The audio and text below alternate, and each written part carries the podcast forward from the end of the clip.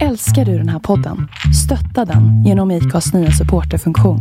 Det är helt upp till dig hur mycket du vill bidra med och det finns ingen bindningstid. Klicka på länken i poddbeskrivningen för att visa din uppskattning och stötta podden. Hiring for your small business? If you're not looking for professionals on LinkedIn, you're looking in the wrong place. That's like looking for your car keys in a fish tank. LinkedIn helps you hire professionals you can't find anywhere else, even those who aren't actively searching for a new job but might be open to the perfect role. In a given month, over 70% of LinkedIn users don't even visit other leading job sites. So start looking in the right place. With LinkedIn, you can hire professionals like a professional. Post your free job on linkedin.com slash people today. När jag stod i kallingarna framför spegeln senast, då tänkte jag att jag hade en antikropp. Inte riktigt en sån, sån antikropp. De var en antikropp. What is the source?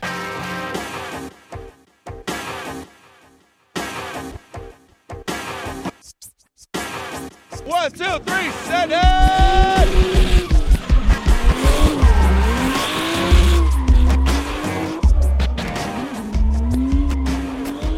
Hej och välkomna till ett nytt avsnitt av Driftpodden. Med mig, Henrik Andersson. Christer Hägglund. Robban Strandberg.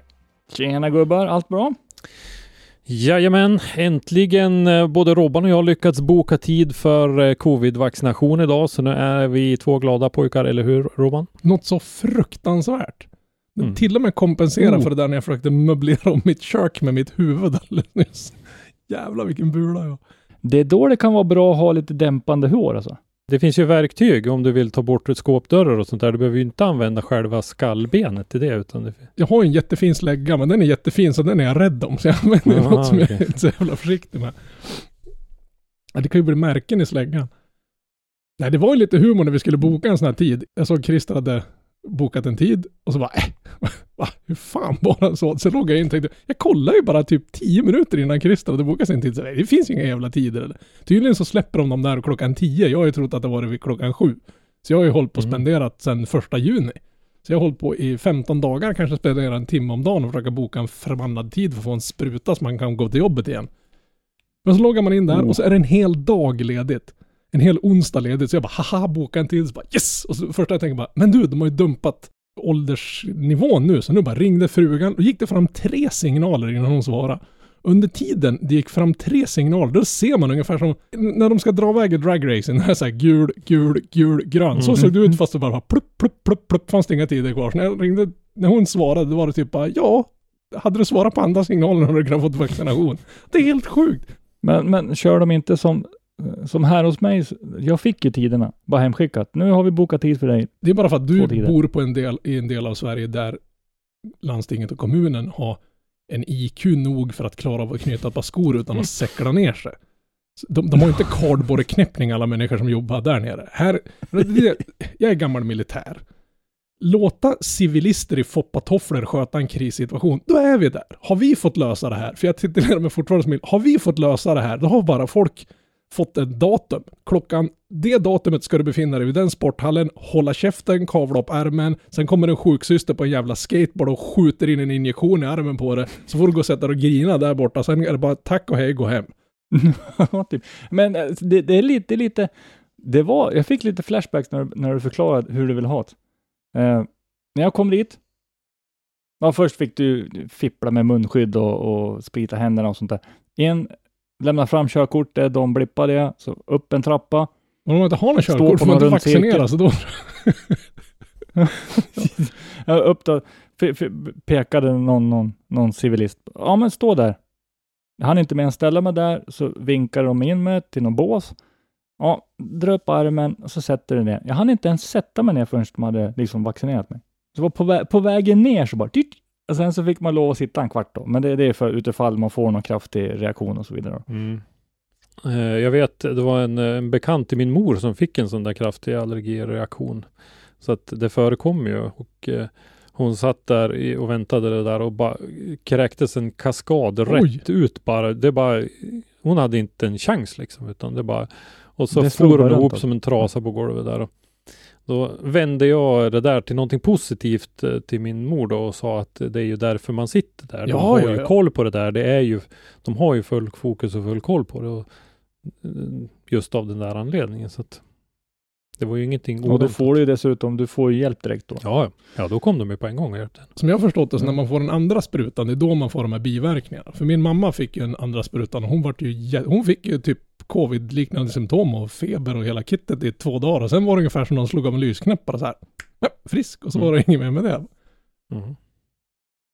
Nu ska, jag, nu ska jag inte skrämma upp er va, men eh, innan vi går in på vårt faktiska ämne som är drifting. Min, min eh, snart åttaåriga morsa, kära gamla mamma, hon blev ju, fick ju covid efter Usch. vaccinationen. Mhm. Förhoppningsvis blir det inte något långvarigt. Ja, hon har nog repat sig rätt så bra nu, men det blev ju sjukhusvistelse. Usch, fy fan. Det var bara... Mhm. Eh, men eh, troligtvis hade hon det innan. Ja, Men att jo, det men, blommade till då när, hon, Mm. när det kom in. för din kropp ska ju bygga antikroppar mot det här.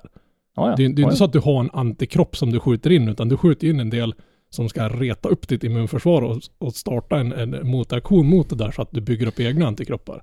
I alla fall, det har hänt en hel del i helgen. Inom drifting och även inom massa andra grejer. Men vi kan väl börja med FIA IDC.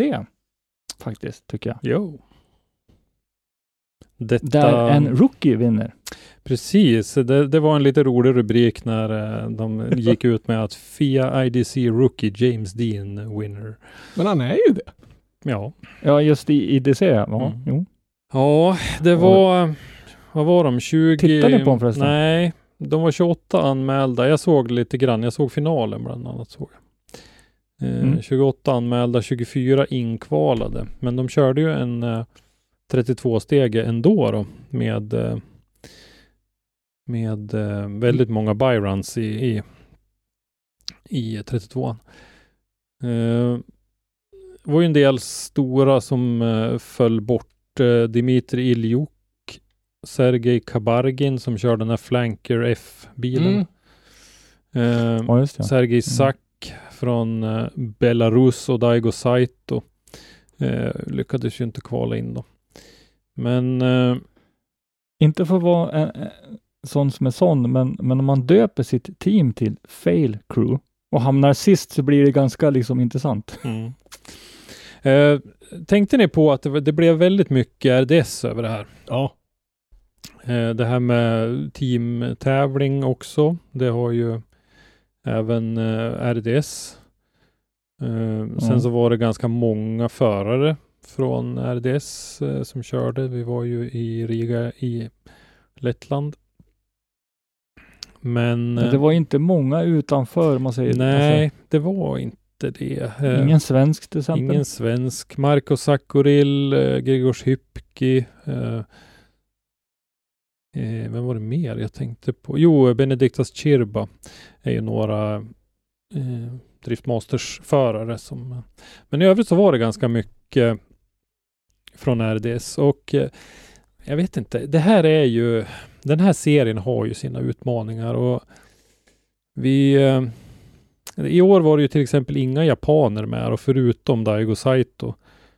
Och anledningen som det känns att Daigo Saito var med den här gången var väl att han kör just i RDS. Så att hans team, var, hela hans team var ju med. Men det var inga ifrån eh, Formula Drift alls. Första året var det ju ett gäng med därifrån. Hade vi någon nordbo överhuvudtaget med där? Nej. Så det var liksom en öststats-Fia i stort sett. Ja, det blev Och ju det. Någon italienare och någon fransman och, och sådär.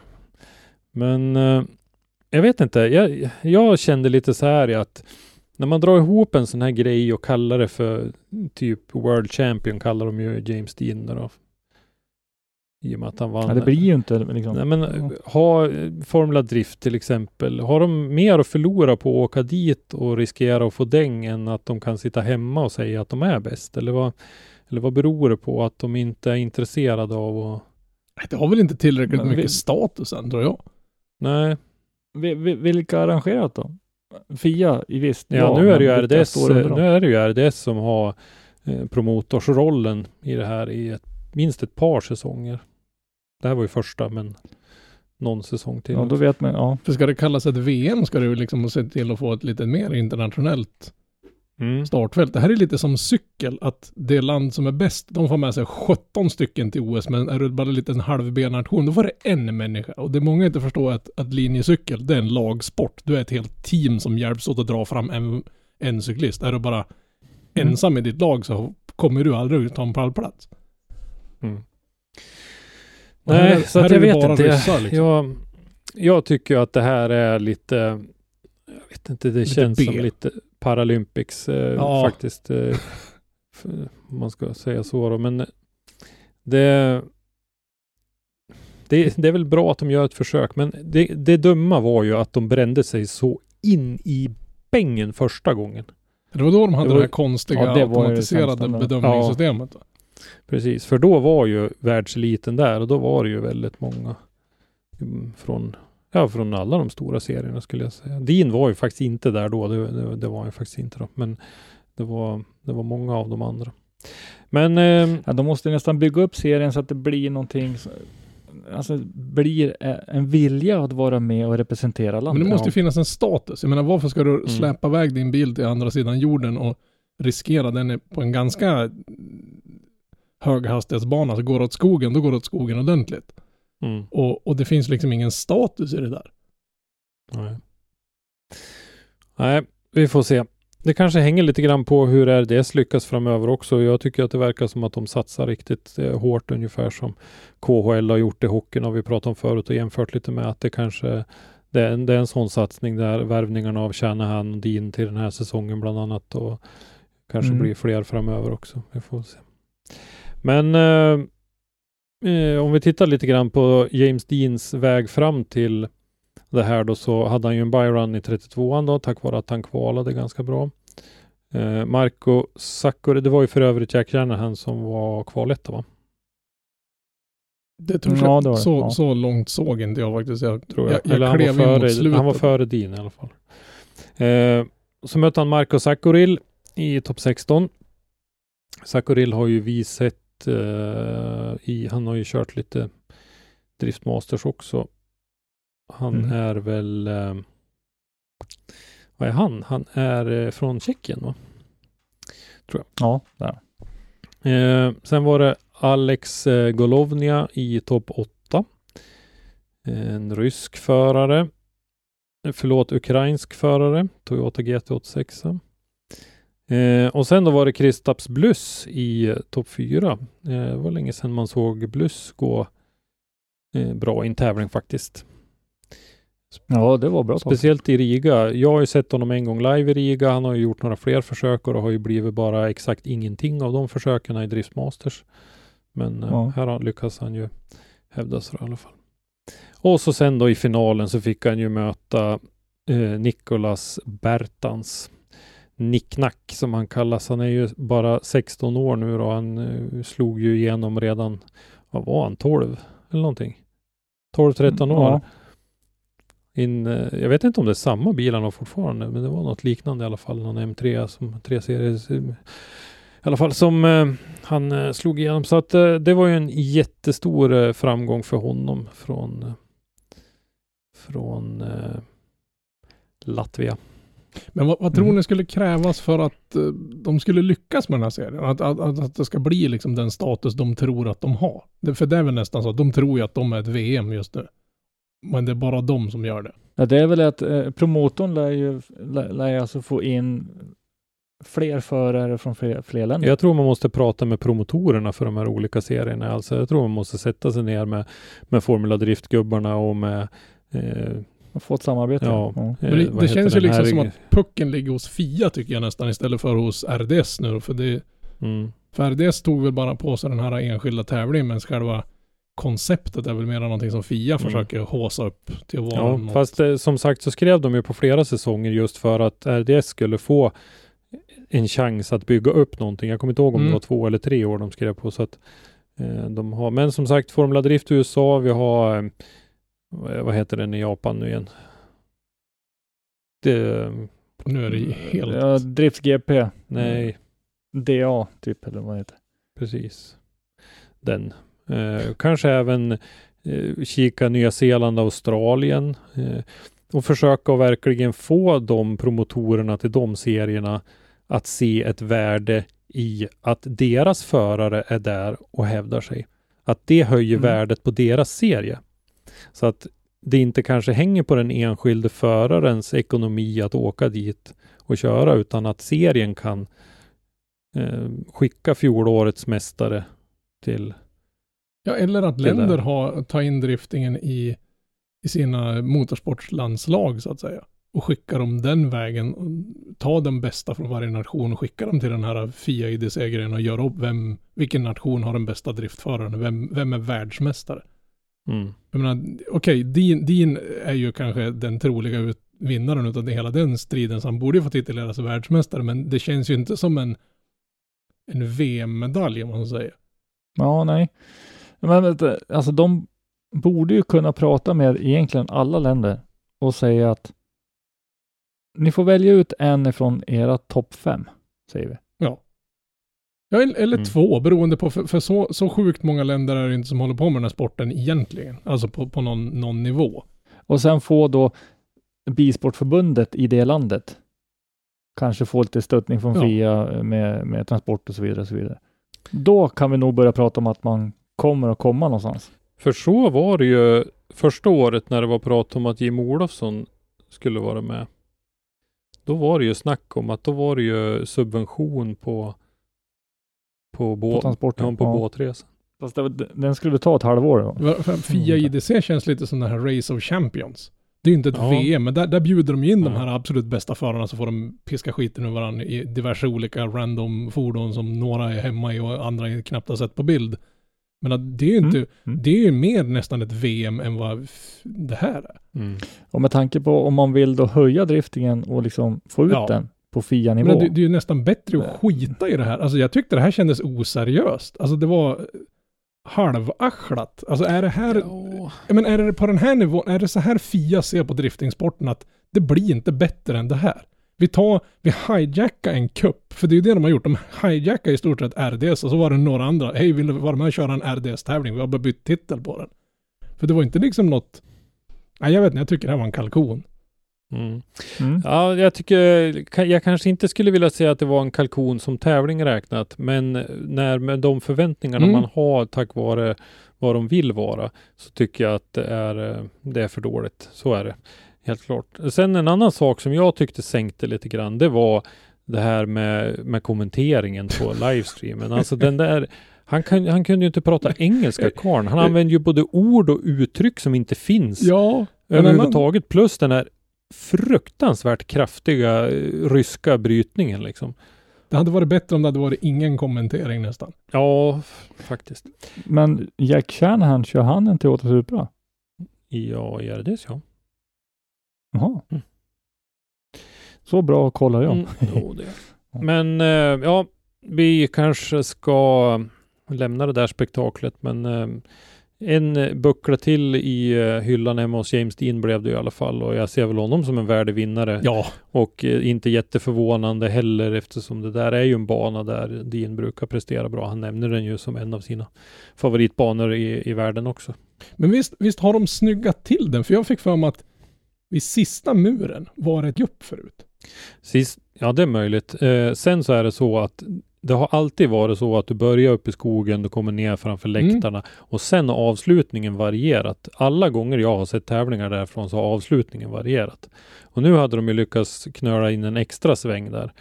Och första gången jag var där, då drog, eller då, den gången jag var där, då hade de ju dragit, då var det lite rakare och så lite längre bort och en 180 grader på slutet och så här. Så att det är alltid lite variation där på slutet, så de kanske bara inte drog den över det där guppet. Men det är, det är någon lång högerböj där. Nej, fel. En lång vänsterböj där som går längs en murkant. Och där har jag för mig att det har varit ett rejält gupp ungefär en halv meter ut. Och låg det lite för långt ut där, då gick du i det guppet och då satt du i stort sett i muren. Men låg du så att du gled med arslet längs muren, då missade dina bakhjul direkt precis det där guppet som var där. Och då hade du bättre flöde. Ja, Ja, det var väl, var, det var väl där, var, inte eh, det, var inte det 2019? där Gotcha snurrade på. Ja, jag tror det var det. Eh, något år, det, det var ett tag sedan, men, men något år så då la de ju en zon i det där Ja. guppet. Och då var det värre, så då var det nästan så att bilarna Det lyfte. är bussigt som fan. Det går ju det går inte direkt så här 40 där heller om man säger. Nej. Ja, vi får Nej, se. och banan är ju anrik alltså. Nog om det. Vi hoppar raskt vidare till Sverige och Hultsfred.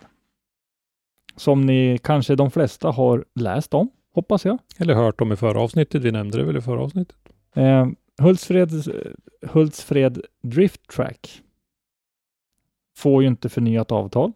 Eh, de ska alltså inte, banan kommer att försvinna från området. Eh, vi vet att Hultsfred som klubb jagar nytt område. Men, men vi, vi började ju riva lite grann i det där. Mm.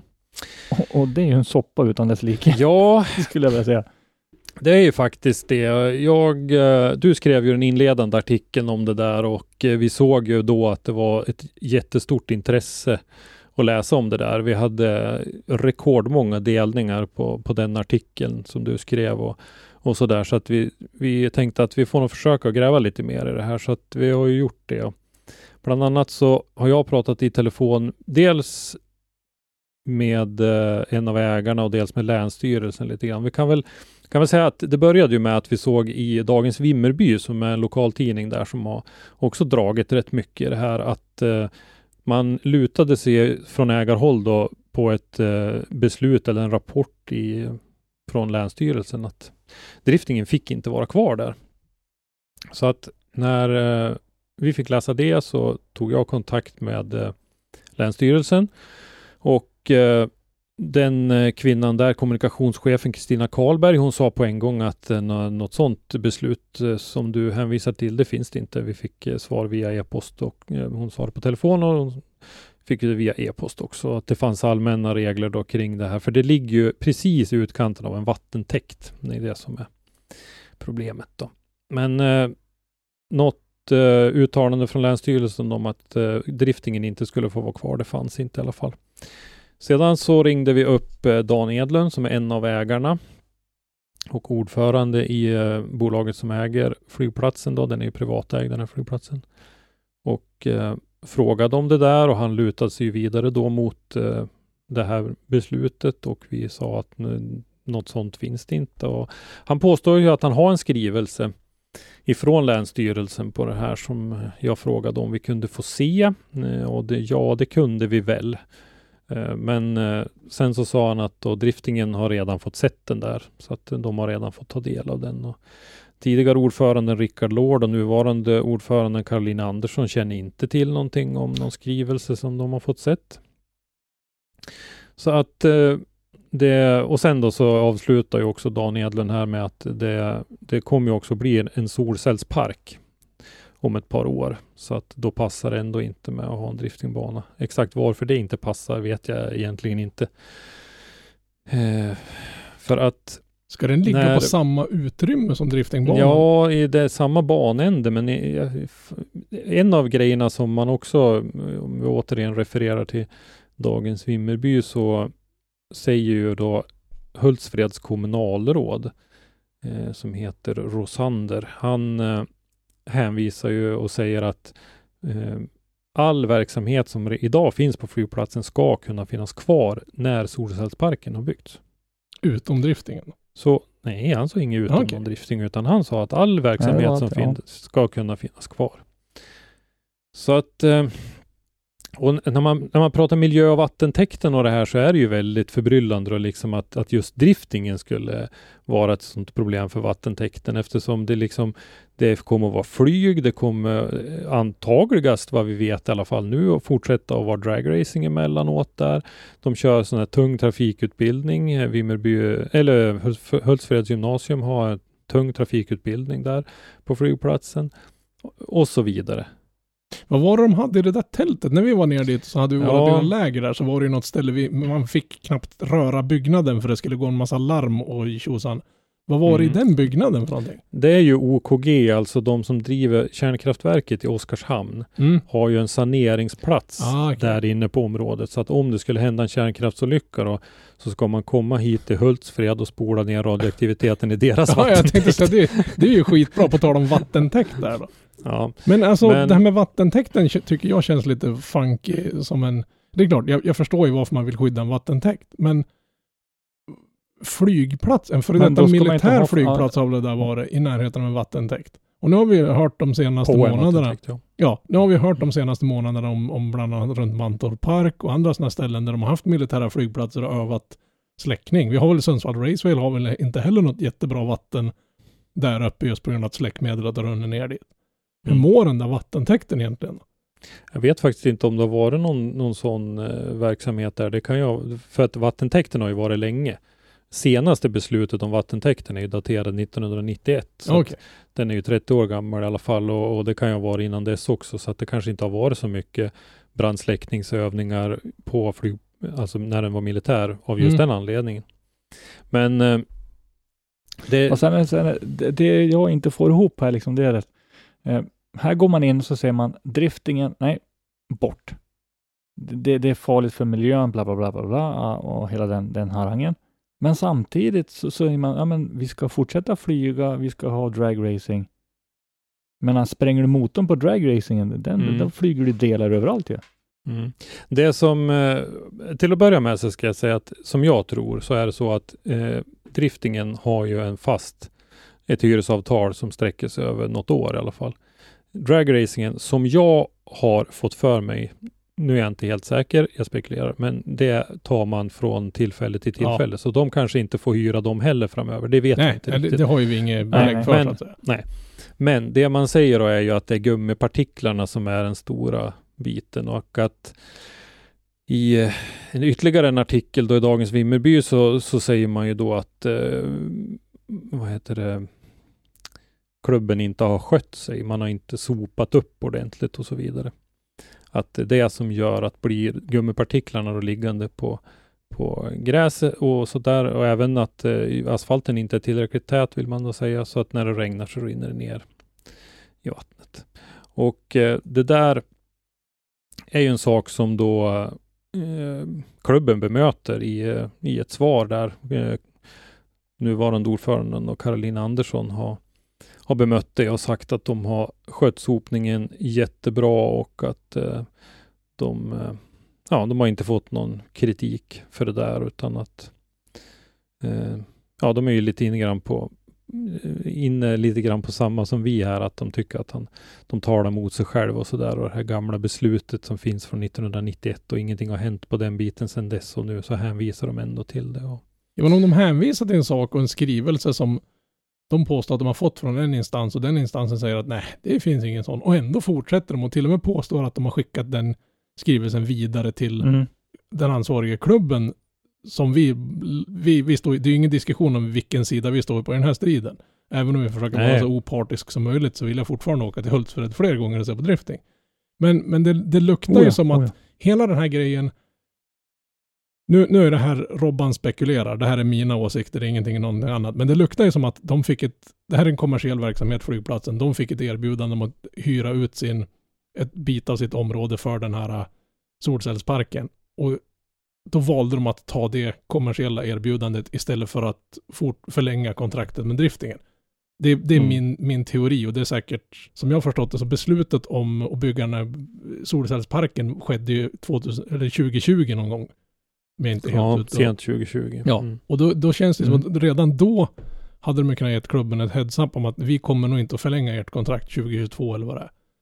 Eller säg det att vi, vi har fått ett bättre ekonomiskt erbjudande, för då, då har man på något sätt kunnat förstått och respektera istället för att försöka fabricera ihop en ursäkt som det känns som de gör nu. Och det här är Mm. som sagt bara mina vilda spekulationer för jag är rätt jävla pist på hela den här grejen. Men säg det då. Då, då kan man ju respektera det. Vi förstår ju att, att du, ni har ett företag, ni får ett erbjudande att tjäna mer pengar än vad den här grejen gör. Och dera, den här driftingens kontrakt löper ut och ni kan tjäna en shitload med mer pengar på att hyra ut området till solpark.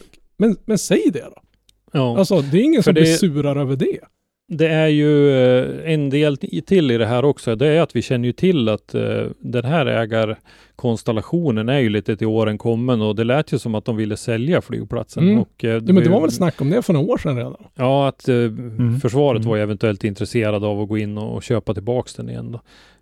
Så vi höll ju på och drog lite grann i det redan då. Men nu då så, så kanske man känner att det här är någonting lugnare. Solcellerna, de bara står där de står. De, det är ingenting, inte så mycket att, att ha hand om.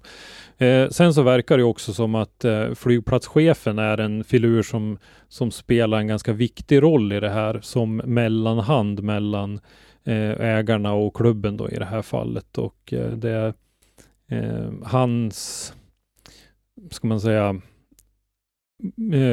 Hans elpriser jag- kommer potentiellt rasa i framtiden, eller vad du försöker säga? vad, vad sa du? Hans elpriser kommer potentiellt rasa i Nej. Nej, framtiden. faktiskt inte. Ja, nej, utan, okej. nej, men han, eh, min, min känsla är att han verkar inte vara så positivt inställd till klubben och deras verksamhet helt enkelt.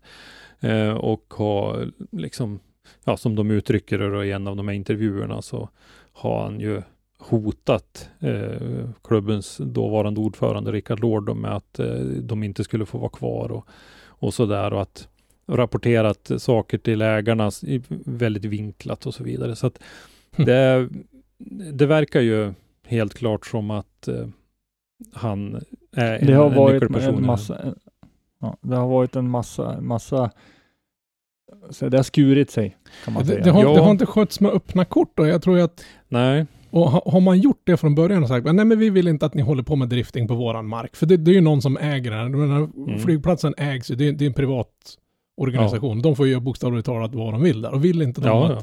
Att de ska hålla på och drifta mer och tycker nej men vi, vi tyckte det var, det, det passade inte bra i våran affärsmodell Mm. helt enkelt om man ska prata så. ja, det är riktigt Ja, illa. det, Riktigt stå och kasta skit mot varandra och Ja. och Men för, för grejen är ju liksom det att det svartmåla. drabbar ju en massa en massa oskyldiga som i det här fallet utövarna och alla ungdomar som håller på med den här sporten. För Den här Ja. klubben har ju, har ju, vad ska man säga, städat upp i, i buskörningsträsket ganska bra tack vare det här. Mm. Så är det ju helt klart. Så det har ju liksom de, en är, de är ungefär samhällsnytta. 400 medlemmar idag och de var uppe mellan 600 och 700 medlemmar innan pandemin. Wow. Och eh, så det är ju en stor klubb som ju är den tveklöst största klubben i Sverige i mästerskap. Eh, SM och RM är de 10 stycken förare, vilket är nästan dubbelt så många som, som nästa, nästkommande. Eh, det finns en jättebred eh, gräsrotsverksamhet och det är ju de gräsrötterna som man har hjälpt till att plocka bort ifrån gatorna. Och det där hade jag en liten diskussion med eh, Linus Eriksson i eh, styrelsen där i Hultsfreds motorklubb om. Och han eh, är ju en sån här som har varit väldigt engagerad i den där frågan. Hur han var som ungdom låter jag vara osagt, men eh, han är väldigt engagerad i den här frågan i alla fall. Eh, och eh, att eh, han brukar vara noga när han diskuterar med eh, folk eh, att eh, de, de sitter liksom inte på lösningen på, på all buskörningsproblematik i, i Hultsfred och Vimmerby, men de är ett, ändå ett bra alternativ där man kan testa sig själv och eh, testa bilen under säkra former. Så att de, de brukar uppmuntra folk att, att komma dit och, och många har blivit kvar i klubben och, och blivit sådana här track day-åkare eh, som ja, kommer och kör på banan istället. För de kör ju dessutom väldigt många event varje år, så att det finns ju väldigt väldigt eh, bra tillfällen. Men, säger han också då, Linus, att det finns en del också som hellre vill vara kvar på parkeringen vid Ica. Ja Och men de- det, det kommer ju alltid de- att finnas. Ja, så är det. Och de, de, som sagt, de kommer vi inte att komma åt. Då. Men eh, sen så frågade jag också Linus om han eh, såg att det fanns en risk att problemet skulle bli ännu värre nu då när banan stängt. Så eh, där säger han att ja, absolut, den risken ser jag som stor. För nu finns det inget alternativ kvar längre. Vill man leka så är det i trafiken som gäller med risk för både sig själv och andra. Och sen så är det också det att det är ett stort område. Ja, de har ju ett stort område liksom som de har dammsuga upp ifrån. Mm. Jo men och så blir Ja. det ju det att även, även om du inte är där och kör med din bil själv, om, du, om drifting kanske inte är din grej så kanske du är intresserad av att åka dit och titta på den eller åka dit och umgås med, med andra motorintresserade. Mm. Så för den, nu ska man säga, för, för under den stunden är du inte ute och sladdar i trafiken. Nu vill inte jag på något sätt påstå att alla som är där och tittar på, på driftingen är, tillhör den här svansen och får att sladda i alla rondeller de hittar. Men, men det, det kan ju säkert bidra och, och plocka bort dem och sen Mm. ge folk en annan typ av motorintresse. Ja, Nej, men för driftingen är ju fortfarande, tittar vi hur, hur driftingen ser ut både på mästerskapsnivå och fakt, ganska gemensamt tycker jag även för lägre nivå. Det är ju det här att det är väldigt mycket uppfinnar-Jocke. Eh, att man, man eh, trimmar sin bil, man eh, bygger värmemotorer, man börjar med chassiinställningar och så vidare. Och så vill man testa hur det där har blivit. Och det vill man oavsett. Har man en bra bana, då, då, då är det lätt, då är det ganska litet motstånd att åka dit och göra det och kolla det där. Har man ingen bana, Mm. då åker man ut i trafiken. Nu förstår jag inte vad du menar. jag förstår inte heller. Jag måste vara, det var något pipljud i mina lurar just nu. Ja, det är tur den är framhjulsdriven, den Ja. där lilla räsen. Men eh, Sorken, ja. Ja, och, så att, och i, i värsta fall nu då så kan det ju bli så att eh, de eh, får åka till Emmaboda flygbanor och där eh, Växjö Motorsällskap ju precis alldeles nyss har dragit igång. Det pratar vi om här om avsnittet. Att, Vad är det för Växjö avstånd hade- vi pratar där då? ja, det är en 14-15 mil i alla fall. Ja, det är ju en bit. Att, det är ju en bit. När, och speciellt eh, här uppe för oss norrlänningar så kanske vi känner att det är inte så långt. Men samtidigt där nere, där tar vi bort banan som redan har funnits, som redan är etablerad. Vi har kunnat åkt tre kilometer till banan och nu måste vi åka 14 mil. Alltså jag vet ju ärligt talat Det- inte om jag skulle ha bytt en massa bussningar och gjort en massa inställningar i min framvagn. Om jag skulle sätta mig och åka 14-15 mil för att gå ut och ta några rappa kurvor och se hur bra det där vart. Jag hade nog Nej, bara åkt lite ut i något industriområde och gjort det där. Ja, men det, Potentiellt. det, det är det som kommer bli. ja. Eh, en annan risk här som jag ser, det är det att, eh, alltså vi pratade tidigare om att eh, flygplatsen är kommersiell. Den ägs av någon och, och de har tagit ett affärsbeslut. Fine, det, det kan man inte säga så mycket om. De har all rätt att göra det. Men varför försöka svartmåla klubben? För klubben Mhm. kommer ju få problem. Om de hittar ett nytt ställe Precis. så kanske den ägaren inte är så vänligt inställd på grund utav skitsnack. Min eh, reflektion till deras eh, reaktion i det här, det är ju att någon, någon syn, jag vill inte veta vem det var, eller säga vem det var, men någon synade deras bluff med Länsstyrelsen. Och nu så skyller man på allt i vild panik, tycker jag som det känns. Eftermarknadskonstruktion liksom. Ja. Det är ju faktiskt lite roligt för att eh, Motorsportmagasinet har ju blivit eh, angiven som källa både på Sveriges Radio och i dagens Vimmerby. Det är bara att tacka och- på sig och sträcka på sig. Ja, det tycker jag faktiskt är lite roligt att vi, eh, det var ju främst din artikel först Henke där som, eh, som man sa att vi var först ut med att och, och, och rapportera om. Så att, eh, det, det är lite kul. Att, men vi, vi gör ju det vi kan och vi ska försöka fortsätta dra vidare i det här så att vi ger klubben, för tittar man alltså på, vi, vi pratade en 600-700 medlemmar innan pandemin, 400 nu, eh, 10 stycken eh, förare i högsta eh, serien. Det kommer dit 50, jag tror det var 53 serieanmälda förare och så 43 stycken team utifrån som kommer dit en helg i juli. 43 team med eh, genomsnitt 5-6 personer i varje. Det är Mm. ju fan 250 personer som kommer till Hultsfred och ska leva och bo där. Det där är ju en, en, en inkomst för, Ja. för, kommun, alltså för kommunens företagare. Jo men och så Och- kommer det, det är ju bara ett SM du pratar om nu. Jag Mm. menar om, om den här klubben får fortsätta, de, håller, de kanske drar igång ett eget, eh, fler event så att, så att förare kommer dit. Jag menar det är ju liksom en, en grej som kommunen kommer att tjäna på i längden också.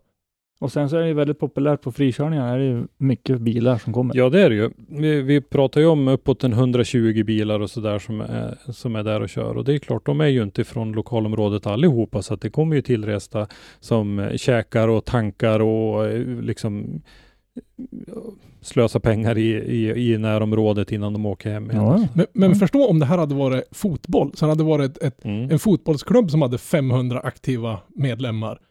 Mm. Och de höll till på en fotbollsplan och den ska de bygga en päråker på nu. Mm. Så, så vad heter han, vår vän i norr där som bara sätter bara pärorna kvar. Ja, ni ser. Det är bara päron kvar. Nej men jag tycker det är ett sånt skönt uttryck. Nej men, men fatta vilket liv det hade blivit då. Då hade det varit aktuellt och nyheterna hade varit där och det har ju liksom varit, men nu är det bilsport så då får man ju skylla sig själv om man håller på med sånt. Som inte har en boll åt mål. Mm. Det är tydligen något, Mm, någon, typ. någon fotbollsspelargrej på gång nu också. Det är väl något EM eller sånt där nu va, tror jag. Varje år har de ju kört alltså bredsladden i Hultsfred. Har vi någon statistik på den? Jag har inte sett det i och för sig, men för det är också Jag en menar sån hur många, populär grej. många, mycket publik och hur mycket utövare det är. Ja, om det, för det lär ju ha varit en ganska stor grej. Mm, ja, absolut. Nej, det har jag inte eh, tagit reda på. Det kan vi säkert få reda på Nej. tror jag. Ja, det kan vi säkert. Men eh, vi... Eh, jag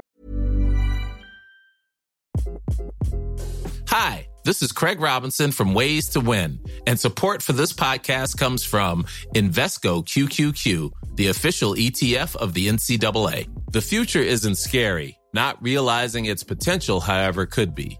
Just like on the recruiting trail, I've seen potential come in many forms as a coach. Learn more at Invesco.com slash QQQ. Let's rethink possibility. Invesco Distributors, Inc. Hey there, it's Michelle Norris. I'm host of a podcast called Your Mama's Kitchen. When I travel, I'm usually looking for a way to find a taste of home when I'm not at home. And one of the things I love to do when I am at home is entertain. And Airbnb allows me to do that. When I was in California recently, I rented a house that had a great kitchen. And when we were sitting around the table, we're all thinking, we're in someone else's house. Someone could be in all of our homes as well. If you have a home, but you're not always at home, you have an Airbnb. Your home might be worth more than you think. Find out how much at airbnb.com/slash host. vet inte riktigt. Vi, vi kommer väl inte så mycket längre i det just i nuläget, men vi, vi kommer ju att fortsätta. Min huvud, eh, mitt huvudfokus just nu är att försöka få tag i kommunalrådet i Hultsfred, men Mhm. han är hal som en inoljad ål. Så att eh, han är inte så lätt att få tag i och höra vad eh, klubben kan räkna med för stöttning från eh, kommunens håll och om det skulle vara så att, för ett alternativ då är ju att man flyttar in på Vimmerby Motorstadion. Och, eh, men då krävs det lite byggnationer och grejer och det krävs ju pengar till naturligtvis. Så eh, Vad pratar vi mil då? Vimmerby, Hultsfred? Vimmerby Hultsfred är väldigt nära för oss. Jag, jag är det par, tre mil emellan bara? Och vad jag känner att jag kastar mig ut för ett stup varje gång jag håller på att gissa på avstånd. Ja, jag tänkte men- säga det. Och du brukar vara så här nästan på metern vet jag. Det är liksom andra avsnittet i rad du är liksom så här helt ute och yrar när det gäller geografi. Jag vet inte, jag börjar bli lite orolig Christer. Ja, 22,8 kilometer. Nej, du är ungefär vad vi har till våra lokala banor här omkring. Ja, precis. Så Ungefär. att det, det, det känns ju inte som någon omöjlighet om man skulle hitta en sån lösning.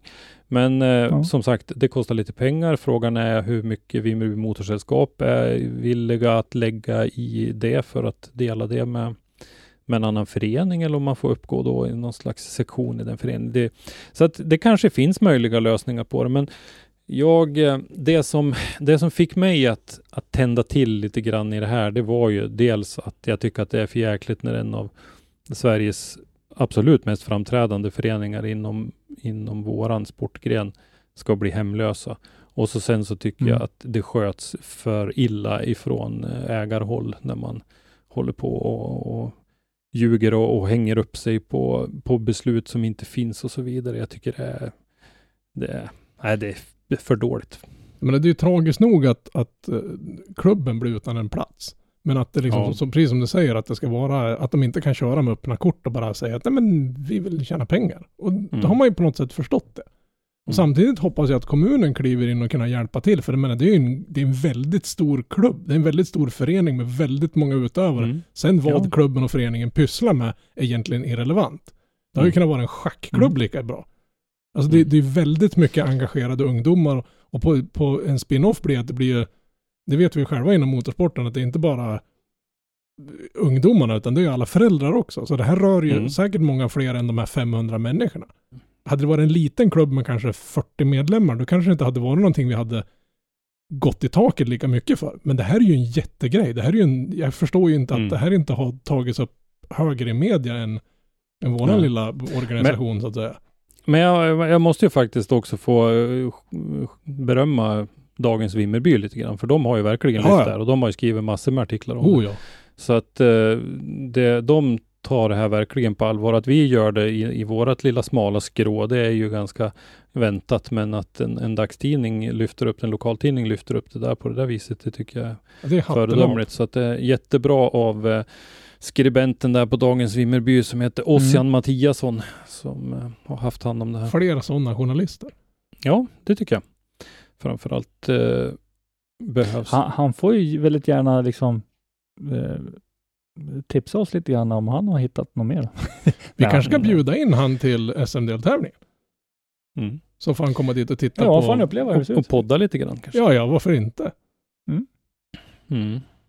Ja, det, det är synd och men som sagt, vi, håll, vi håller ögonen på det där och vill väl egentligen bara få fram vad handlar det egentligen om? Vad är bakgrunden? Ja, precis. Och samtidigt som vi vill eh, gräva i det och så vidare så vill vi ju samtidigt inte heller slå in någon ytterligare kil mellan ägarna och, och klubben. det, det tjänar ju, vi vill ju att de ska få vara kvar naturligtvis och det tjänar de ju absolut inte på om vi, om vi lyckas med det. Så att vi får väl försöka hålla en, en, en balanserad debatt i, i den här frågan även framöver. Mm. En, en sak som jag tycker vi ska spela lite grann på i det här läget det är ju faktiskt det här med att, att det vore väl ändå en prestigeförlust för Hultsfred som kommun om Vimmerby tog över. Det här. Ja, det, ja, det måste vara. grannkommunen liksom. Ja.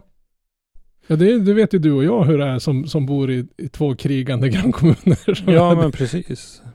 Ja, men det är ju inte lilla, lilla, lilla tremannaklubben Nej. som liksom flyttar Ja, på sig. det, det är ju det är jättebjäs. Och det här är liksom en, vad ska man säga, en instans på något sätt inom driftingen. Det här är ju liksom en, en, en, eh, en, en ja, grundpel, eller en grundsten är väl nästan... Jag har ju blivit men- det på det senare år. De har ju Mm. haft en otrolig utveckling på senare år. Så att, eh, och allt det här jobbet de har lagt ner under de här åren. Som, För det kan ju pot- potentiellt liksom gå liksom som ringar på vattnet för, för flera andra klubbar och andra, alltså sporten i sig kan ju ta skada av den här grejen.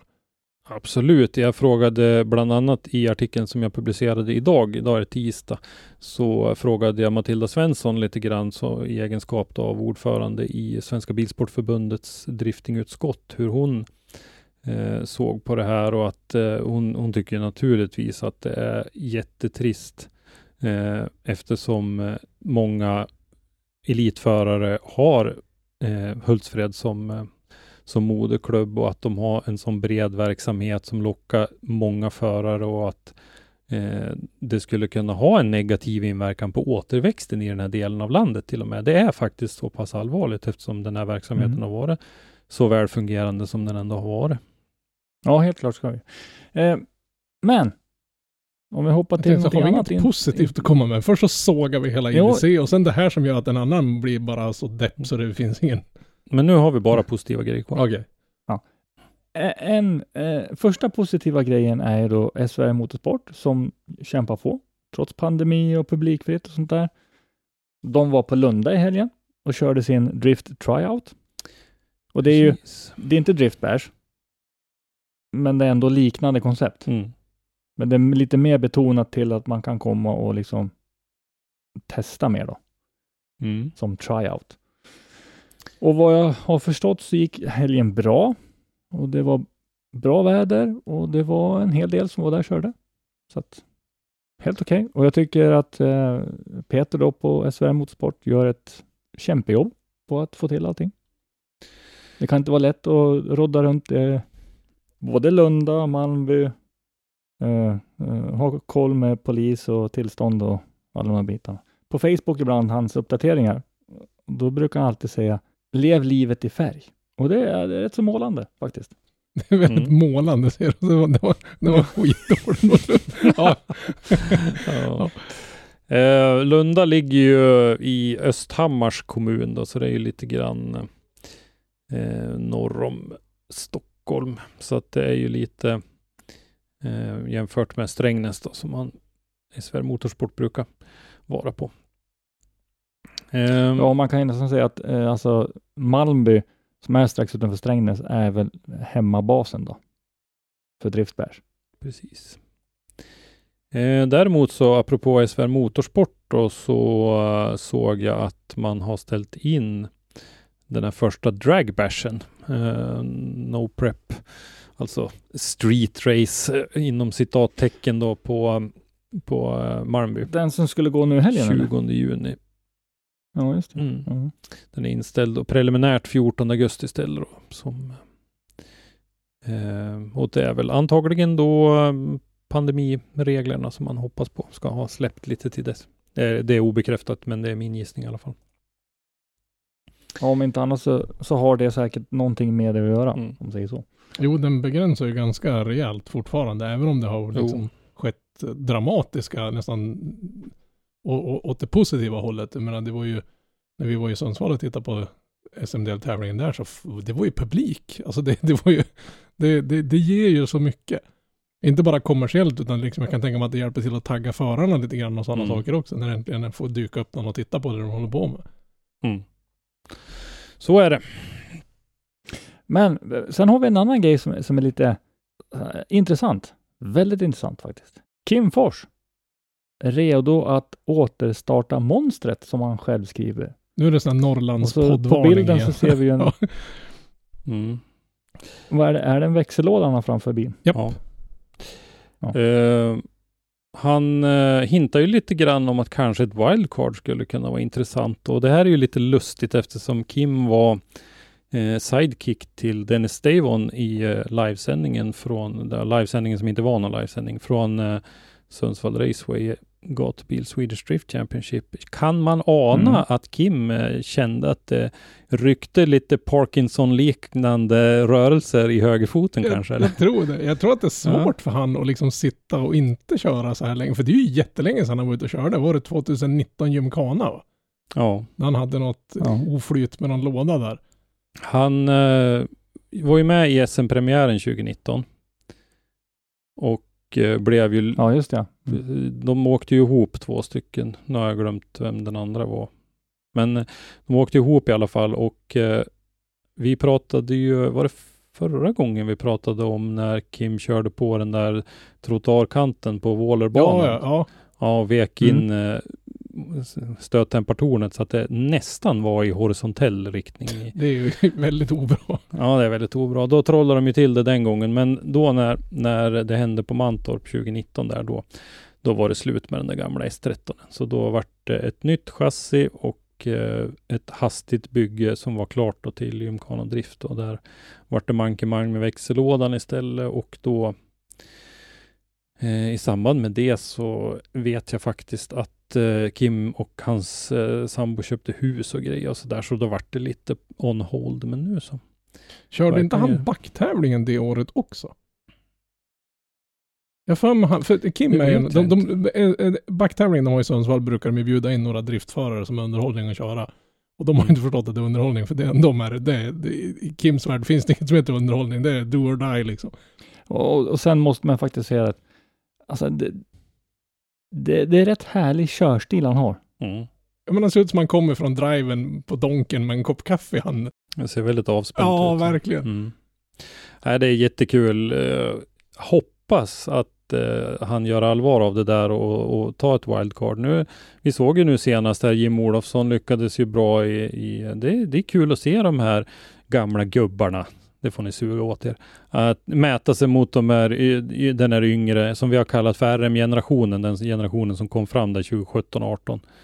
Mm. Se dem jämföra sig. Men det kan ju vara så att, att Fors Olofsson och, och resten av de här gammuvarna som du kallar dem, de kan ju vara liksom en av inspirations och orsakerna till att några av de här grejerna, grabbarna som kör RM nu, Absolut. kör RM nu.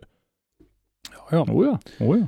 För jag menar, I. Ivars och Sjödin och, och, och gänget, jag menar hur många har inte de lurat in i den här sporten så att säga? Jag menar, Mm. jag är ju intresserad av den här sporten på grund av Sjödin. Det är bara han. Jag var och tittade på, jag var på Mittsverigebanan och skulle se på några track days. En kompis tyckte jag skulle dra med på, aldrig hört talas om drifting i hela mitt liv. Så var det något som pågick där borta. Vi går dit och kollar. Då var det tydligen en SM-tävling i, i, i drifting och det var ju helt makalöst. Och sen dess är man ju helt fast. Och när vi ändå är inne då på, på ämnet Jim Olofsson. Så hintar han, han drog ut på, på eh, Trynboken, Facebook, ett eh, intressekoll där han ritar upp ett träningspass. Och då är det alltså en hel dag vi pratar om där han tänker sig coaching. Både köra lite teori, ja, köra teori om körningen, alltså hur bedömarna tittar på din körning. Men även då gå in på detaljer som att olika linjer och sånt där. Det här är ju precis det vi behöver. Mm. Sen då singelreper och sen tvinn. Jag skulle gärna vilja se då att man riktar in sig mycket på tvinn, för det tror jag det är det som är säkrast viktigast att träna. Ja, jag tycker det verkar eh, jätteintressant faktiskt och jag skulle vilja säga att de flesta borde även se till att deras spotters är med på det här. Därför att... Eh, Ja, så får man få bygga ihop sig. Ja. m- precis, dels det och så sen det här med att höra hur någon som är kunnig i gym har en otrolig rutin och dessutom så har han haft lite sådana här föreläsningar och grejer förut. Så att eh, han, han kan den där med föreläsningsbiten också. Eh, och vi har pratat ibland om ett problem det här med att man växer upp tillsammans som spotter och förare, att man, man lär sig driftingsporten tillsammans. Och Mm. därför så lär man sig att se saker från ett håll och, och lösa problem på ett sätt, fast det kanske finns som, som det där gamla talesättet vi har på mitt jobb. Det finns ju tusen sätt att lösa det där på. Ja, men ta ett av dem då för fan. att eh, vi, vi, ja, men det är lite Ja, så. men att det kanske finns många andra sätt att lösa ett problem på istället för kommer du inte tillräckligt långt ut så kanske du inte ska eh, släppa av och styra utan du kanske ska eh, gasa på och styra mindre. Vad vet jag? Jag, jag kan ju inte det här. Det känner Och det är ganska viktigt att spotten, spotten måste ju kunna förklara för sin förare. Precis.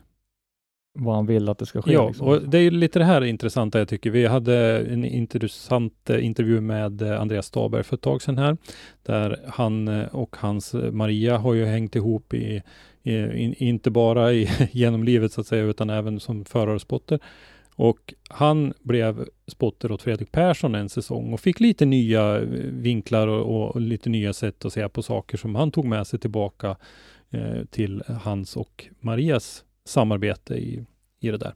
Mm, mm. Eh, vilket ju är jätteintressant. Så att en sån här grej tror jag skulle vara jättenyttigt för förarna och jag skulle tro att det skulle vara jättenyttigt för samarbetet förare-spotter också. Mm. Så är det.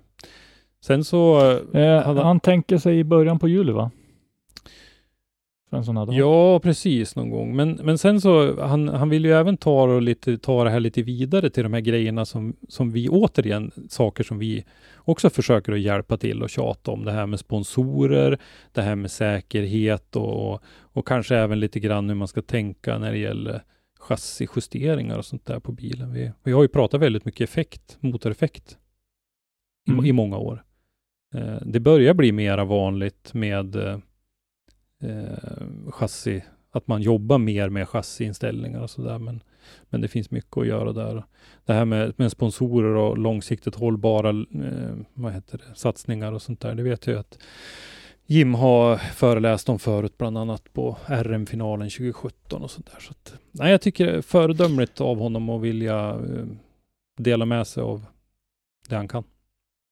Jo, men helt klart. Och sen så är det det att, jag menar, det var väl ganska många år sedan man slängde på gamla avslängda sommarpuckar som hade stelnat i 55 år Ja. och man skulle sladda liksom. Har vi hört någonting om vart han tänkte ha den här kursen? Om det blir där uppe i norr eller om du tänkte slänga den någonstans söderut? Eller ja, det kanske beror på vart det största intresset för deltagarna är. Det kan vara lättare att flytta gym till massorna än att flytta massorna till gym, om man säger så. Sen kan det också vara det, men att ta en stor klubb Mm. som kanske vill arrangera och hyra in gym då för en sån här Precis. En stor klubb som håller till på en flygplats till exempel. Skulle det kunna vara. En bit ner i Skulle Sverige. det kunna vara. Ja. Så som börjar på H och slutar på Hultsfred. Ja. Det, det, det är ju ett jättebra engagemang och det är, det är en skitbra grej han gör bokstavligt talat. Jag blir alldeles till mig. Men vi pratade ju om det här bara. Vem var det som sa det där att jag, nu bjuder jag på en idé, träningsläger som man har i enduro. Var det du Henke eller vem var det som pratade om det? Det var ju någon som... Ja, Ja, men jag tog upp det på någonting att Nu, man, nu, försöker, nu försöker inte vi sno hela Jims i, Nej, på, absolut påstå att vi inte. liksom inspirerar han, men, men, men det är liksom det, det är Absolut schysst att, inte, men rätt ska vara rätt. Jo, jo, men det är ju schysst att någon, någon tar steget och gör det här. Om vi tar till exempel cross och enduro och sådana grejer.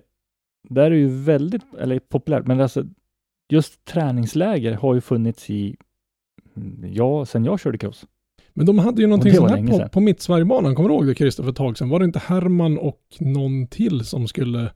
Jo, fast det där blev ju lite grann av en flopp. Men... eh, Plus att, vädret gjorde inte att det var sådär Nej, jättelyckat. Det, blev, det var jättedåligt väder och sen så enligt eh, en av de där instruktörerna så fick de ju reda på att de skulle vara instruktörer när de kom till banan på förmiddagen. Jaha, okej. Så att det var inte mer förberett än så. Det var väl lite synd sådär. Så att det vart, den där coachningsdelen där vart ju lite sådär eh, skott från höften. Men Man hade ju nästan väntat sig att, låt säga att de har ju ett ganska schysst torn man kan stå i på mitt Sverige Banan där uppe. mm. Och man hade ju nästan väntat sig att coacherna skulle stå där uppe med någon kommunikation till de som sitter i bilarna och rattar runt. För de hinner ju inte springa runt och sitta i alla bilar samtidigt för då kommer de att bli springa. Det är ju bara Joel som klarar av att springa sådär fort. Ja, men det blir liksom lite så här, man, man skulle ju kunna ha det här lite som, vad ska man säga, körskola. Det står, du, Jim eller någon agerar någon form av spotter uppe i ett torn och har kommunikation ner med de som far och åker på banan och liksom i, i den praktiska delen så att säga. Så man liksom får lite tips och grejer om att nu, nu du borde ligga lite där och kanske sådana saker. Ja, som sagt vad vet jag? Jag ska egentligen hålla fullständigt tyst i det här. Jag, Men sen har man också samma sak där med att när du är iväg och kör någonstans. eh, Det här låter kanske konstigt, jag vet inte. Men försök fixa fram så att du kan få någon att filma. Till exempel att du har någon GoPro i bilen, säger vi. Som visar dig. Alltså som förare när du sitter. Eh, någon då utanpå bilen och någon som filmar själva bilens linje. Och sen tittar du på det. Det kan du få många tips på också. För att se då vad du gör just för att få den linjen. Men det- det tror jag i och för sig många har kameror på sina bilar. Åtminstone såg man det förarna på träningarna. Under, uppe i Sundsvall så var det ju kameror på nästan varenda bil för att de ska kunna få lite egen feedback om hur de beter sig och ja, sådana Mm, saker. mm. Men, men jag tycker det kan du ha nytta av även, nu sitter jag och flaxar värre än Henke. Det, det, det kan du liksom ha nytta av även lägre ner i, i, när du ska lära dig. Jag tror nästan du har större nytta av det där. För där får du mer en visuell Ja. grej. Du kan gå tillbaka och titta på hur du gjorde och, och sådana saker. Men sen då, som du säger, ha någon som står på utsidan och kan filma bilen när den passerar också, så du ser hur den rör sig på banan och sånt måste ju underlätta katastrofalt det också. Men, men, sen, men sen har du till exempel om, om vi återigen går till crossens eh, värld. Så har du alltså när, när killarna kör träningen, de kör kvalen, då slår de på GoPro. Innan de går ut och kör sina hit så har nog de flesta av dem tittat på filmen Mm. för att hitta var de gör misstagen. Vad, vad kan de kapa tid? Och det är liksom, ja. Varför inte använda samma princip? Nu pratar vi i och för sig tävlingsdrifting då, Ja, jag tänkte säga så har jag lärt mig cykla, men det är klart man hade en GoPro på kamera eller på hjälmen när man körde träningsrepor så man vet vad man ska gå tillbaka och kolla. För det går rätt fort och du kanske inte hinner små, se alla små detaljer på vägen. kan du inte cykla eller? Nej, nej, jag kan inte. Jag stödjer. Sätta Youtube-klipp som Leo har kört Precis. tusen gånger. Så här. Precis. Fast det är inte lika bra som den där killen som, som fick bilen i huvudet. Han är, fortfarande, han är fortfarande världsbäst. Jag hade ingen aning om att det var någon här uppifrån. Mm, jo. nästa positiva grej är då träning på Peter Dragway. Just det. Redan nu på lördag. Imorgon då Eh, alltså. Det är publikfritt, men det är obegränsat antal förare. Hur stort är det på Peter Dragway? Ja, det är stort. Ja, det är bra. Norr, Norrbotten är stort. Schysst research vi har gjort här. Yes. En, en skön kommentar tycker jag är så här. Vi drar igång klockan 12 och kör tills däcken är slut. Vi eh, får väl se lite grann vad det blir för uppslutning på det där. Jag såg att det var inte jättemånga anmälda då när jag såg senast, men Jocke Ahlgren och eh, de där grabbarna där uppe jobbar på med det där i alla fall. Vissa såg jag skulle eh, vara funktionärer också på eh, Fällfors som ju har STCC och Viato Thundercars och lite annat i helgen. Så att eh, det var lite sånt där som konkurrerade. Mm. Men eh, det, det är bra. Det brukar vara bra. De har ju också satsat på sin bana på Peter Dragway. De har ju asfalterat i och byggt murar och, och sådär. De har ju utvecklat den här banan ganska mycket de senaste, jag ska säga de senaste två åren har det hänt en del där. Ja, men det är kul för det behövs. Mm. Alltså med tanke på att vi har dåligt med banor redan från start. Ja, precis. Eh, nästa trevliga grej är Cash Grab. Kommer igen. Det var ju första året förra året. Yes. Hoppas det är något torrare i år. Sundsvall Ja, Raceway. Fast det är ju, ett, ett datum som kan ge mer torrt, ja, torrt väderlag. Ja, Ja, det, det, är väl, det är väl alltid när man arrangerar såna grejer att man får ju ta det datum som funkar. Och förut var det bara dragracing. Nu är det, jag vet inte, det går ju snart nästan snabbare att lista de motorsporter de inte pysslar med där uppe. Mm. ja. Eh, när är Cash nu då? 17-18 juli är tävlingen. Vad ska man säga, det är väl två eller slash tre klasser. Så att eh, Pro och semi-pro kör i en klass och så har de en, en separat klass för, för modified som kör.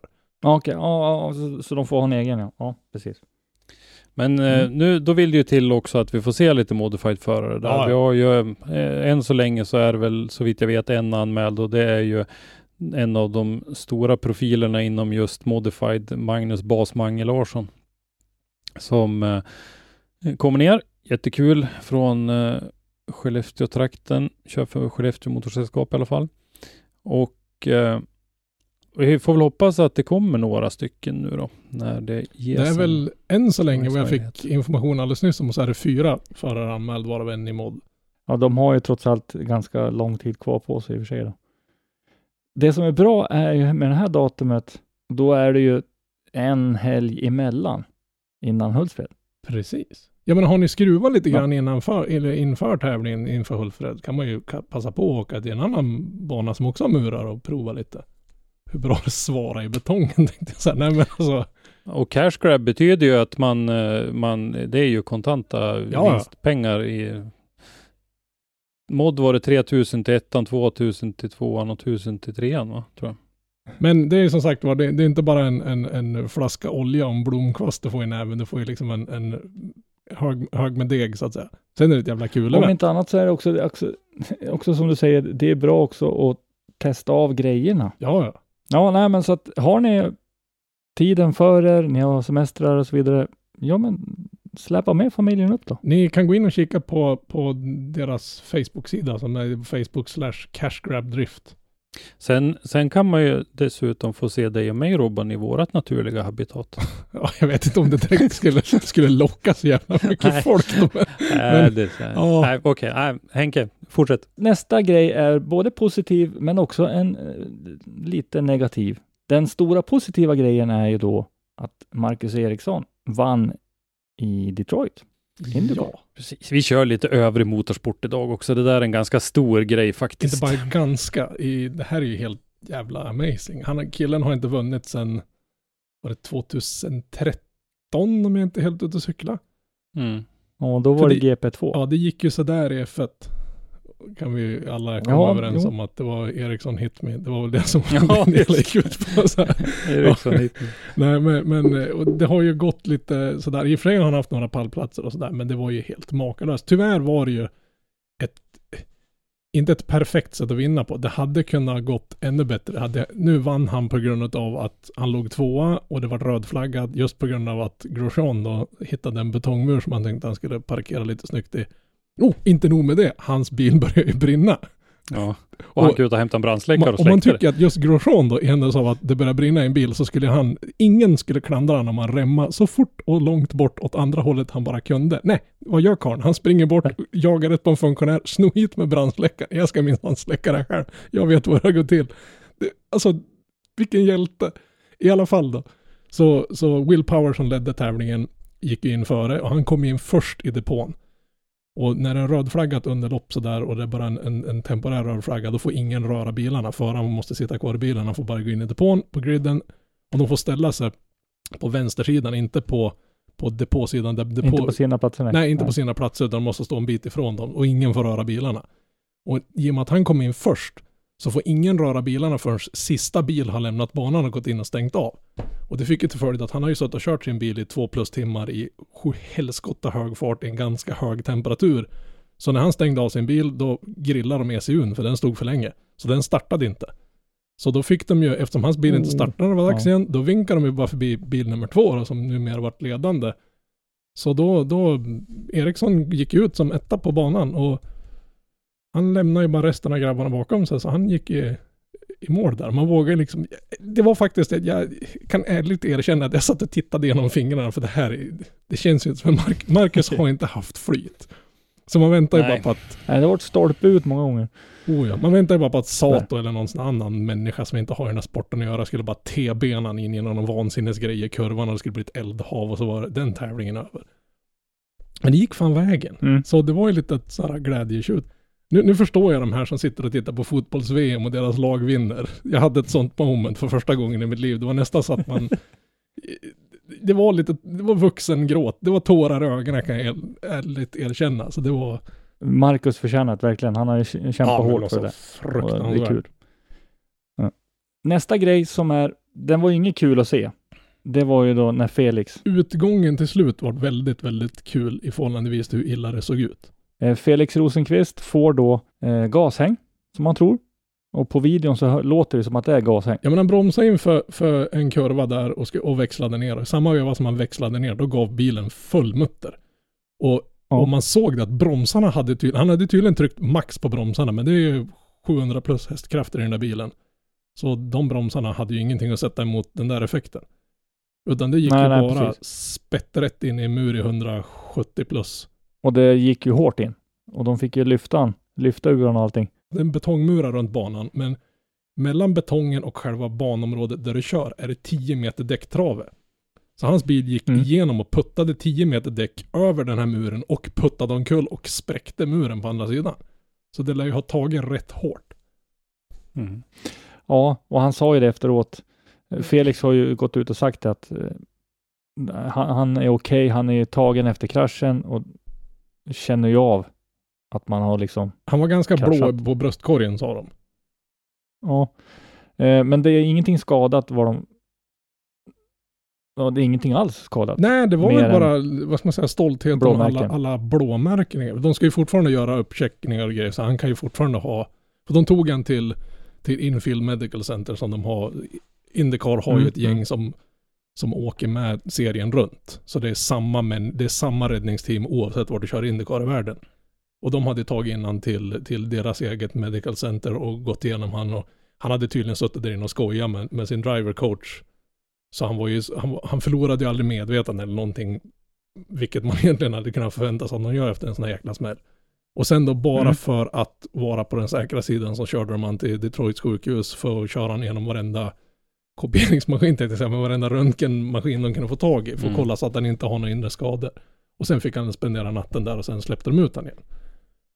Mm. Så det, jag hoppas han, han fick ju inte köra deltävling två utan det fick ju, oh vad heter han? Oliver. Oliver Oliver Askew. Mm. Så det var nästan lite svenskt i bilen där, men, men och han fick tyvärr bryta på grund av motorbekymmer då, men, men förhoppningsvis får han ju köra nästa tävling igen.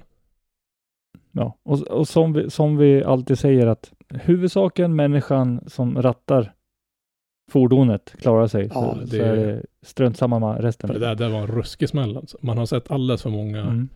elaka smällar och jag tror att många har ju varit emot den här äh, i, i Indycar har de en aeroscreen istället för en Halo. De har ju dels en Halo men sen har de en sån här polykarbonat. De har ett stridsflygplans framruta i stort sett på bilarna. Och när han plöjde Mm, igenom mm. däcktraven så tror jag att om de inte hade haft den där då hade inte Felix Rosenqvist varit med oss idag. För då har han haft 10 meter däck rätt genom ansiktet. Mm. Ja, precis. Den risken, alltså han kunde ha fått in väldigt mycket i Ja, cockpit. och många som såg den där live som inte riktigt har koll på hur mycket arbete och hur räddningsteamet jobbar tyckte att ja, men den där aeroscreenen försenade. Det tog för lång tid att få ut den ur bilen. Men räddningsteamet kom dit, konstaterade att det är inga livshotande skador så då kan vi ta den tid vi behöver för att se till så att han inte har någon nack och Ja. ryggskador. För hade det varit så att han hade varit livshotande, haft något öppet sår som blödde kraftigt, någon artär ja, men då hade de bara ryckt ur han. Ja. men, men nu när det inte behövde så tog det nu den tid de behövde. Ja, och vad folk inte förstår, det, det är samma med många krascher, men det folk inte förstår är att räddningsmanskapet går ju dit först för att göra en bedömning. Kan det finnas rygg eller nackskada? Ja, ja. För är det det, då vill de ha på krage. De vill ju försiktigt ta ut för att inte förvärra skadan. Då. Så att, ja, nej. Men i alla fall, all heder åt Marcus. Ja, verkligen. Det var lite Helt roligt klart. att hans teamkompis som vann tävling nummer två hade pratat med honom in, innan loppet och sa att jag ska vinna den här tävlingen åt dig. Vilket han mycket också riktigt gjorde och det hörde man på teamradion Ja, att men det det är här, jag sa att det här gjorde jag för Marcus. Eller för Felix. Så det var liksom det att göra en sån sak. Plus att kunna hålla det och först säga det att jag, jag ska försöka vinna den här tävlingen åt dig och lyckas med det. Ja, för det är inga duvungar som kör där. Nej men det är ju inte som i F1 att det är typ tre pers det står mellan. Här är det 33 pers det står mellan. Vem som helst kan vinna och det har vi ju sett nu. Det här är första, det var Ja. deltävling åtta, det är första gången det blev Men en, menar du på fullt allvar att det är den skickligaste föraren som vinner ett Indycarlopp? Ja. Okej. Vad hade han gjort för att överhetta sin ECU så att han blev kvar i depån menar du då? Will Power. Han fick inte Ja. kyla ner den lika fort som alla andra. För den som kom in Nej, sist. på vilket sätt var det hans fel menar du? Eftersom du säger att den skickligaste föraren Ja, vinner. okej, ja, ja. Om vi säger så här att hade, hade Power och eh, hade Power kommit ut, då tror jag likt förbaskat att Marcus hade vunnit Nu är den vi på tävlingen. kontrafaktisk historia. Här. Nej, nej men jag, det, det är en teori. Men om vi säger så här, Marcus hade fräschare däck. Han hade mer push to pass. Eh, Will Power hade helt sopslutdäck. Så jag tror helt sonika att hade det där inte, hade det bara blivit en gulflaggsituation hade likt förbaskat Marcus vunnit den där. För han hade alla materiella förutsättningar för att lyckas med det. Det hade inte Power. För att kunna ta sig om ja. Ja, Ja. precis. Jag, jag, jag, är, jag är- det är ju ingen hemlighet att jag är F1-fantast. Eller fan, fantast ska jag inte kalla mig Ja, för, nej. men, nej, men jag, jag gillar F1 lite grann i alla fall. Men vad heter det, när den ena dagens segrare startar P14 och den andra dagens startar P15 tror jag. Mm. Vad heter det? Det, Det grejen, känns som det är slumpens skördar alltså. nej, men det är lite strategi. För F1 går ju inte in och Ja, ta... Du har inte samma styr, depå. styr du över strategiutfallet själv då? Ja men du kan ju ta... Som du Det är ju välja... gul flagg och röd flagg som Ja. avgör om din strategi går hem Ja, eller men inte. det är många f- tävlingar som inte blir röd eller gulflaggad. Och där kan du ju välja att göra en, en tvåstoppare och köra snåla lite grann. Du behöver bara gå in i depån två gånger under ett lopp och snåla lite grann och spara lite bränsle och däck. Eller så kan du ta en trestoppare och inte behöva spara på däck och bränsle och bara hamra igenom tävlingen. Så det är ju lite, det är lite schack också. Men det jag menar med F1 är att under de sju första tävlingarna var det sju olika team, eller sju olika förare som vann. F1, där händer det ju inte att det är sju olika som vinner de sju första tävlingarna, för där är det i stort sett klart. Det, det, står, det spelar ingen roll hur många team du ska stoppa in i F1 så är det typ topp tre teamen det står mellan. Ja, det- det kan-? Har du hängt med i årets säsong? Det har faktiskt varit mycket roligare att titta på F1 i år än vad det brukar Nej. vara. Eh, och med det sagt så kan vi hoppa vidare till funktionär. Om du går in på vår podds Facebook så kan du fylla i en lapp vi har där. Och vill ni inte printa ut den eller har problem att printa ut den så plocka ner den och fyll i den digitalt och spara den och gå till klubben. Precis. För vi, vi har som mål att vi ska få in mer funktionärer. Och det är roligt. Det är skitkul. Jag har faktiskt varit massa funktionärer, massa rallycross och backtävlingar och grejer. Det är asballt. Jag har faktiskt också varit funktionär några gånger. Det var, nu är det några år sedan, men för nu har man ju hållit på så mycket med det här. Men, men, eh, det, nej, men det är kul. Man får, man, man blir med i gemenskapen. Helt klart. Om den folkracetävlingen i Timrå, ska vi, du och jag vara funktionärer där då? Ja, kan vi väl. Mm. För vi kan inte liksom sitta här och tycka att alla andra ska vara funktionärer och inte åka och göra det själv. Sen, sen om vi får bli insläppt med någon form av... Ja, det är en annan sak. Men så där har jag faktiskt försökt att leva på senare år. Jag har ju bland annat varit med Missing People ett Mm. antal gånger och leta. För att man kan inte bara sitta hemma på kammaren och tänka att alla andra ska göra saker. Utan man, då må man ju ta sig i kragen och hjälpa till själv också. Precis. Samma Ja. när det var skogsbränder 2018 så var jag faktiskt också. Så att det är helt klart. Nej men det, det gör vi. Man ska ställa upp i samhället, vara eh, en i samhället, så att säga. Jag menar, det krävs ju, alltså vi kan inte hålla på med det här. Och nu menar jag inte sitta här och, och, och köta i en podd, för det behöver vi inte så mycket funktionärer till, även om ni kanske tycker att vi borde ha någon som står och rödflaggar oss med jämna mellanrum. Skötare. en teknisk foul. Ja. Men, men, men all form av motorsport är ju, hänger ju på funktionärerna. Du kan inte ha en Ja, ja. tävling överhuvudtaget utan en funktionär. Nej, Ja, så och funktionärer är ju faktiskt Många kanske tror att funktionärer är bara de som står runt banan. Nej, funktionärer finns ju allt ifrån tävlingsledaren Ja, men det, till den som sitter i jag sekretariatet. menar alla sysslor som behövs utföras för att tävlingen ska bli av. Och även innan tävlingen, det är inte bara på tävlingsdagen. Utan det behövs ju även folk dagar och veckor innan tävlingen är som hjälper till där uppe och allt ifrån. Kan du köra traktor så brukar det vara väldigt hård valuta. Mm. Ja, för jag menar, banan måste ordningställas, området måste göras klart. Alltså, ja, det finns ju. Och så det brukar ofta vara jäkligt roligt. Ja, ja. Och med den bomben så återstår det egentligen bara att förklara för våra kära lyssnare att ni kan ju följa oss på Facebook, på Instagram och sen så vill, vill vi såklart att ni går in på motorsportmagasinet.se och läser våra fina nyheter. Nyheterna kommer ut som länk till Facebook, men gå gärna in på sidan också. Och har ni något litet tips så får ni gärna dra iväg ett mejl. Vet ni något mer om den här Hultsfredsgrejen får ni också gärna höra av er. Oh ja.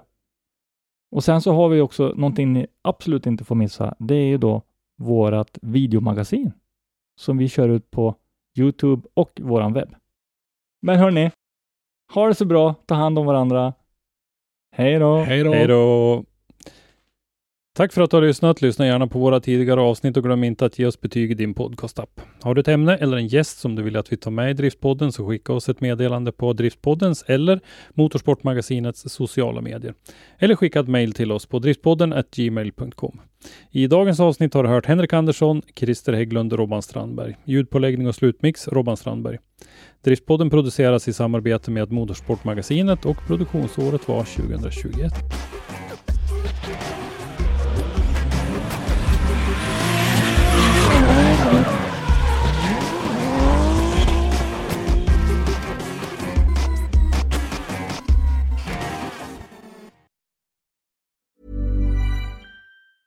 Mom deserves the best, and there's no better place to shop for Mother's Day than Whole Foods Market. They're your destination for unbeatable savings, from premium gifts to show-stopping flowers and irresistible desserts. Start by saving 33% with Prime on all body care and candles. Then get a 15-stem bunch of tulips for just $9.99 each with Prime. Round out Mom's menu with festive rosé, irresistible berry chantilly cake, and more special treats. Come celebrate Mother's Day at Whole Foods Market.